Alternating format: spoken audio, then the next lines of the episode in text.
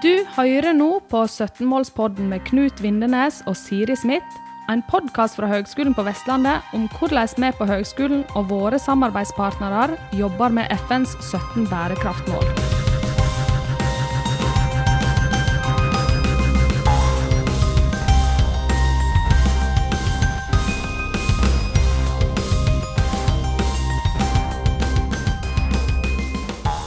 Ja, Denne gangen snakker vi med Katrine Myhre, eh, som er direktør for eh, Patentstyret. Hei, hei. Hei. Ja. Og, eh, og så har jo du en Vi kan jo egentlig bare ta det med en gang. Du har jo fått en ny og veldig spennende, og her er det, det store ting. En, en rolle til, en lederrolle. Du kan jo få si hva det heter. Ja, jeg er eh, invitert til å være nestleder i styret for det nye eksportstrategirådet. Og så gjerne utdyp med to ord eh, hva, hva, hva det er for noe. Og hva vi Ja. snakker om, da. Ja, første, sånn, prøve å være litt presis. 1. juli så oppnevnte, jeg tror det er regjeringsoppnevnt, eh, det er Iselin Nybø som næringsminister som har ansvaret, oppnevnte da et styre for dette nye eksportstrategirådet, som skal etableres, eller er en etat under etablering. Så det skal bli en offentlig etat, en aktør, i og for seg i eh, Jeg tror man ser for seg at dette er en del av, virkemiddelapparatet. Men med hovedmål om å etablere strategier for eksport. Og for å få til det, så må vi ha et godt kunnskapsgrunnlag. Skal vi lage strategier for eksport? Mm. Og så har vi fått til rådighet noen kroner som skal deles ut til gode prosjekter som i henhold til denne strategien da skal bidra til økt eksport fra norsk næringsliv. Ja, og så lurer jeg bare på en ting nå. Er det, er det litt midlertidighet i dette her, eller er det en ny varig eh, enhet, da? Ja, dette er en ny eh, etat, Mm, rett og slett. Eh, rett og slett. Ja, En ja. ny etat. Og så Ja. er det bare det at vi har rukket å ha ett styremøte. Mm. Eh, vi har ingen stab på plass akkurat nå, så nå jobber styreleder, som for øvrig er Arvid Moss, som er konserndirektør i Hydro. Han er styreleder, jeg er da nestleder. Eh, og totalt styre på åtte personer. Eh, særlig kanskje Arvid og jeg jobber eh, Vi gjør alt. Vi er også sekretariat i disse dager, fordi akkurat nå så er det ingen andre på plass. Men det jobber vi for at skal skje. Kommer fort på plass. Veldig spennende. Da lurer jeg litt på, for eh, Vi har jo snakket med mange forskjellige folk. Jeg lover, jeg skulle ikke, jeg skulle ikke stille spørsmål jeg ikke kunne svare på. Så hvis du ikke kan, ikke kan svare, så bare si det. Men ehm, vi snakker om omstilling, og vi snakker om grønn omstilling, og vi snakker om bærekraft. Ehm, og mye av det som nå skjer den, på den nye industrien, da. Uh, det skal jo um, Tanker om at vi skal eksportere teknologi. At vi med vår rikdom og med våre lyse hoder uh, kanskje kan finne løsninger som kan være med på det omstillingen, det grønne skiftet. Uh, er det noe uttalt strategi hos dere, eh, hvis har, dere har kommet så langt? Du kan si at Foreløpig så er jo ingen strategi lagt, men vi har begynt og rukket å begynne. Igjen må si det. Vi har hatt ett fysisk møte, og da har vi hatt inne personer som kan fortelle oss om hva er det vi har av kunnskap da. Fordi eh, det, altså, vi behøver jo ikke bruke tid på å gjøre analyser som andre har gjort. Derfor er det om å gjøre å nå samle alle de analysene, alt det kunnskapsgrunnlaget som ligger der. Og så må vi finne ut ok, hvor er det vi ikke har analyser og kunnskapsgrunnlag. Så må vi identifisere det og tenke oss om er det det vi skal lage. Må vi også få det på bordet, og så kan vi begynne å legge strategien. Når strategien er på plass, så kan vi begynne å i ordentlig iverksette. Når det er sagt, så er også styret veldig enige om at vi kan ikke vente i Altså Det å bygge kunnskapsgrunnlag, det tar lang tid. sant? Det kan ta både to og fem og ti år. Vi kan ikke vente i to og fem år før vi begynner å gjøre ting. Sånn at der hvor vi har, la oss kalle det low hanging fruits, der hvor vi har næringer som har produkter og løsninger som det globale markedet har behov for, og vi vet hvor eller hvilket marked, om det er Frankrike eller Brasil eller hvor det måtte være, som har behov for disse løsningene, så ønsker vi å gå i gang også med å tildele penger til prosjekter som skal eksplisitt bidra til at denne næringen når ut i, ut i det globale markedet. Mm. Og Her snakker vi jo f.eks. om altså, hydrogensatsing, havvind og ja, karbonfangst er i vinden, for å si det sånn. eller er viktige strategiske satsingsområder. Så det handler jo litt om å materialisere det, på en måte at, at dette blir faktisk eksport. Så vi altså, ja, kapitaliserer eller, eller virkeliggjøre det vi politisk sett snakker om da, i ja, samfunnsdebatten. Det er helt riktig. Eh, også, så også Iselin Nybø, bare for å sant, Hun har stått på og jobba. Hun sier jo at uh, dette nye eksportstrategirådet er virkelig en baby for henne. Og det, det tror jeg nå på. Jeg har hørt henne mange si det mange ganger nå under mm. Arendalsuka. Mm. Eh, og poenget er jo det at det, noen næringer er kommet så langt at, det, at vi har produktene er ferdig. De er testet, de er i produksjon. Mm. mm. Og, og, vi kan egentlig liksom go to market. Vi vet, og mm. vi vet at det er et marked der ute som vil betale for dette.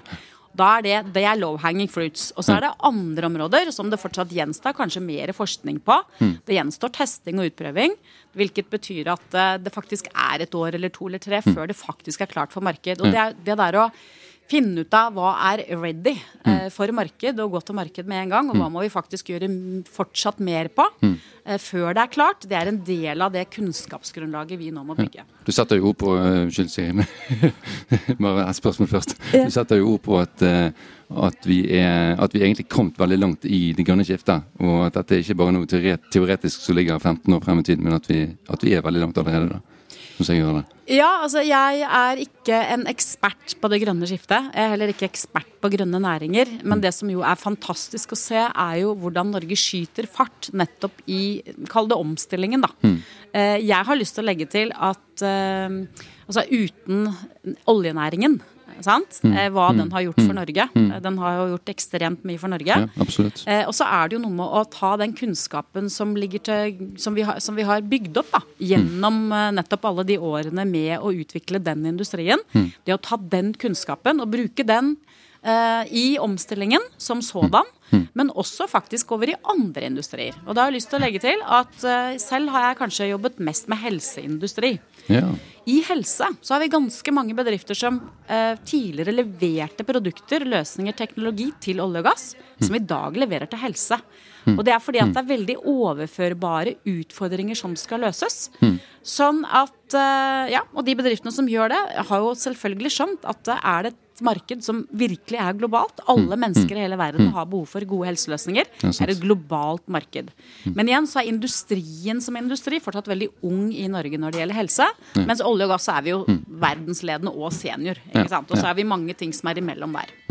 Altså for Det som er blitt sagt, da, dette her med at vi er gode på, på løsninger, men vi er ikke så gode på oppskalering. Er det det dere, der dere får en rolle? Altså at hjelper da bedrifter til å oppskalere til at de kan da eksportere. Er det en del av det dere skal gjøre? Ja, I den grad man sier at det med oppskalering handler om å eh, si, masseprodusere og nå ut i markedet, så kan du jo si det. Men du kan jo også si at oppskalering handler det om industrialisering. Det å, jeg jobba mye med gründerselskaper. Eh, når du er i gründerselskap, så driver du og går fra idé til produkt. Du skal teste, verifisere, sjekke at dette faktisk eh, blir et produkt, og så skal du kunne masseprodusere det produktet. Um, og før du begynner å masseprodusere, så håper jeg at man virkelig har gjort jobben med å teste at det, dette er det produktet, utformet på den måten som brukeren vil ha og som det er et behov i markedet for.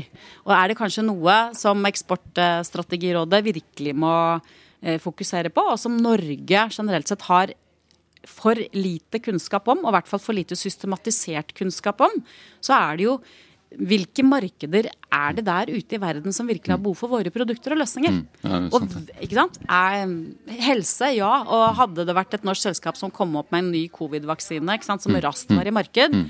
jeg hadde vært glitrende igjen tilbake. Alle mennesker i hele verden vil ha den vaksinen. Eh, stort sett, i hvert fall. Eh, og så er det annerledes på andre steder. Eh, havvind og, og, andre områder. Ikke sant? Det er ikke over, overalt. Men hvor de markedene er, og hvilke markeder som er modne, og som mm. raskt kan kjøpe, mm. vil ha ekstremt stor betydning for mm. eh, verdiskapen i Norge som følge av eksport. Ja, og, og da tar, trekker vi tråden litt tilbake til det som vi utforsker her med bærekraftsteamet her i Arendal. Eh, og det du har fortalt nå, er jo superspennende. Men vi er jo fra akademia. eh, utdanning- og forskningsinstitusjon, Høgskolen på Vestlandet. Hva forventninger har du i denne rollen her, eh, eller sånn generelt, eh, til eh, hva vi skal på en måte Altså med tanke på bærekraftig utvikling for ja, Jeg har senest i dag så jeg sånn- får mange refleksjoner når man går på Arendal. Jeg går rundt på Arendal. Du hører debatter, og det er jo noe av det som gjør at det er kjempegøy å være her. For du, du, du utvikler faktisk kunnskap mens du er der, da. Og i hvert fall eh, gjør man, gjør man seg mange refleksjoner. Og bærekraft er en av de. Um, og det andre er hva kan FoU-institusjonene våre bidra med i å bygge dette kunnskapsgrunnlaget. Blant annet så var jeg til stede på Havforskningsinstituttets eh, foredrag eh, i morges, hvor begge deler var en del av den debatten og den tematikken.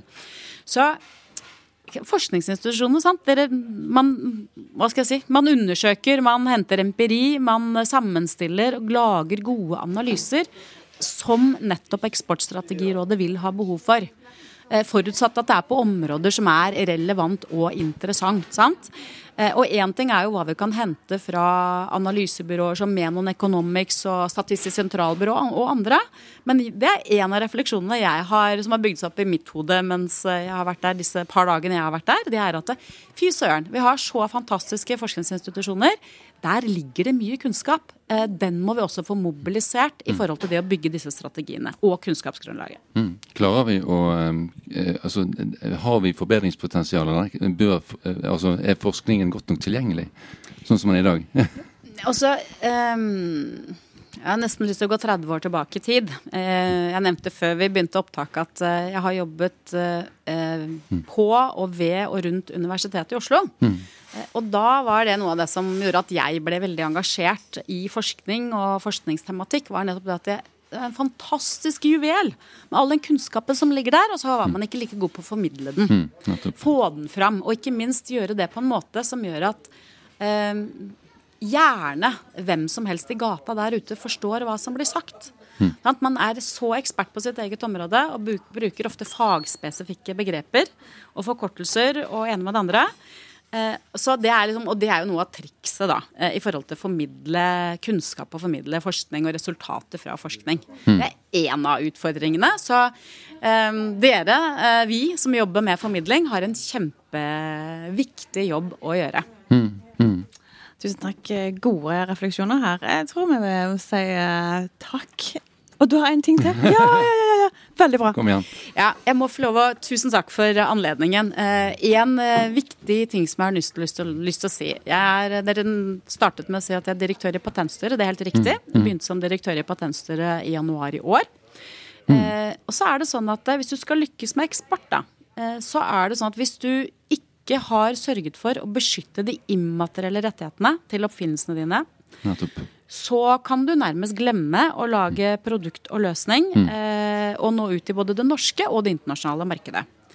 Og ved mm. deres uh, Høgskolen, sa jeg det riktig nå? Ja. ja. Det er litt sånn forskjellig. Jeg er Østland, ikke sant? Dere er Vestland. Høgskolen på på Vestlandet. Vestlandet. Ja, ja, ja, Jeg er helt sikker på at dere har mange forskere som uh, tenker kommer opp med mm. resultater mm. fra forskningen som mm. faktisk kan bli til nye produkter og løsninger. Og da er det viktig at man setter seg ned, eh, hvis man ikke selv har gjort det tidligere, eh, setter seg ned med de som kan veilede i forhold til hvordan går jeg nå frem. Hva må jeg gjøre først? Og når det gjelder det å beskytte rettigheter, da må du ikke publisere før du faktisk har sørget for å patentere eller rettighetsbeskytte på annen måte. Jeg kjenner jeg blir litt ivrigere, for du treffer oss på begge de to områdene. Altså Vi, vi har eh, høy bevissthet, men vi, man kan aldri bli god nok, tror jeg, på ja, IP, altså intellectual properties uh, og, og, det med patentering. Uh, og også det klart formidling er vi jo som enhver annen akademisk institusjon uh, det, det må, må, vi jo bare jobbe med. Yeah. ja, så. Og så er jo også, siden vi nå må jeg trekke enda flere tråder og paralleller her Når du har patentert, så betyr jo det også at det patentet blir offentlig på et mm. tidspunkt. Så det er mm. faktisk også en måte å formidle på. Det er det ikke så mange som tenker på. Ja. Og så har jeg lyst til å nevne én ting til. Vi snakker veldig fort om patenter. Det er mm. viktig. sant? Og det man, må, man, må jo finne ut av er dette mulig å patentere. Har andre patentert dette og kommet mm. på dette før? Og igjen der, da har Patentstyret ja, Vi har eh, ja, 160-70 saksbehandlere som er eksperter på dette området. Både masse teknologer, men også jurister, som kan sette seg ned med deres forskere. Og nettopp ha den dialogen. Har noen gjort dette før? Er det noen grunn til at jeg, eller burde jeg patentere? Eh, eller eh, varemerkebeskytte eller designbeskytte eh, det som er kommet opp. Har, hvis andre har gjort det før, da får du ikke patent, og da bør du heller ikke begynne den prosessen som både tar tid og koster penger. Men er dette unikt, og kan bli til et produkt som noen vil ha i det markedet, da er det all grunn til å sette i gang prosessen. Kanskje vi skulle hatt et, et eller annet informasjonsmøte eller noe sånt til forskerne våre tilby det. Det, det kunne jo godt vært Dagens å reklame. holde dialogen, rett og slett. Ja, ja. Veldig bra. Da Så jeg vil tusen takk for at du ville være her og, og, og snakke med oss. Det var utrolig ja, interessant. Ja. Mm, det var det. I like måte. Tusen takk for anledningen. Og vi kommer veldig gjerne og snakker eh, mer fra Patentstyret om det å beskytte rettigheter og, og skape resultater. Og selvfølgelig sørge for at vi får til mer eksport. Vi formidler kontakt, og så er det et kjempeviktig arbeid du begynte med der med det nye rådet. der. Eksportstrategirådet, nå har jeg lært meg å si det. Så veldig lykke til med det. Du har nå hørt en podkast fra Høgskolen på Vestlandet. Du kan høre flere podkaster fra oss ved å gå inn på nettsiden hvl.no. slash podkast.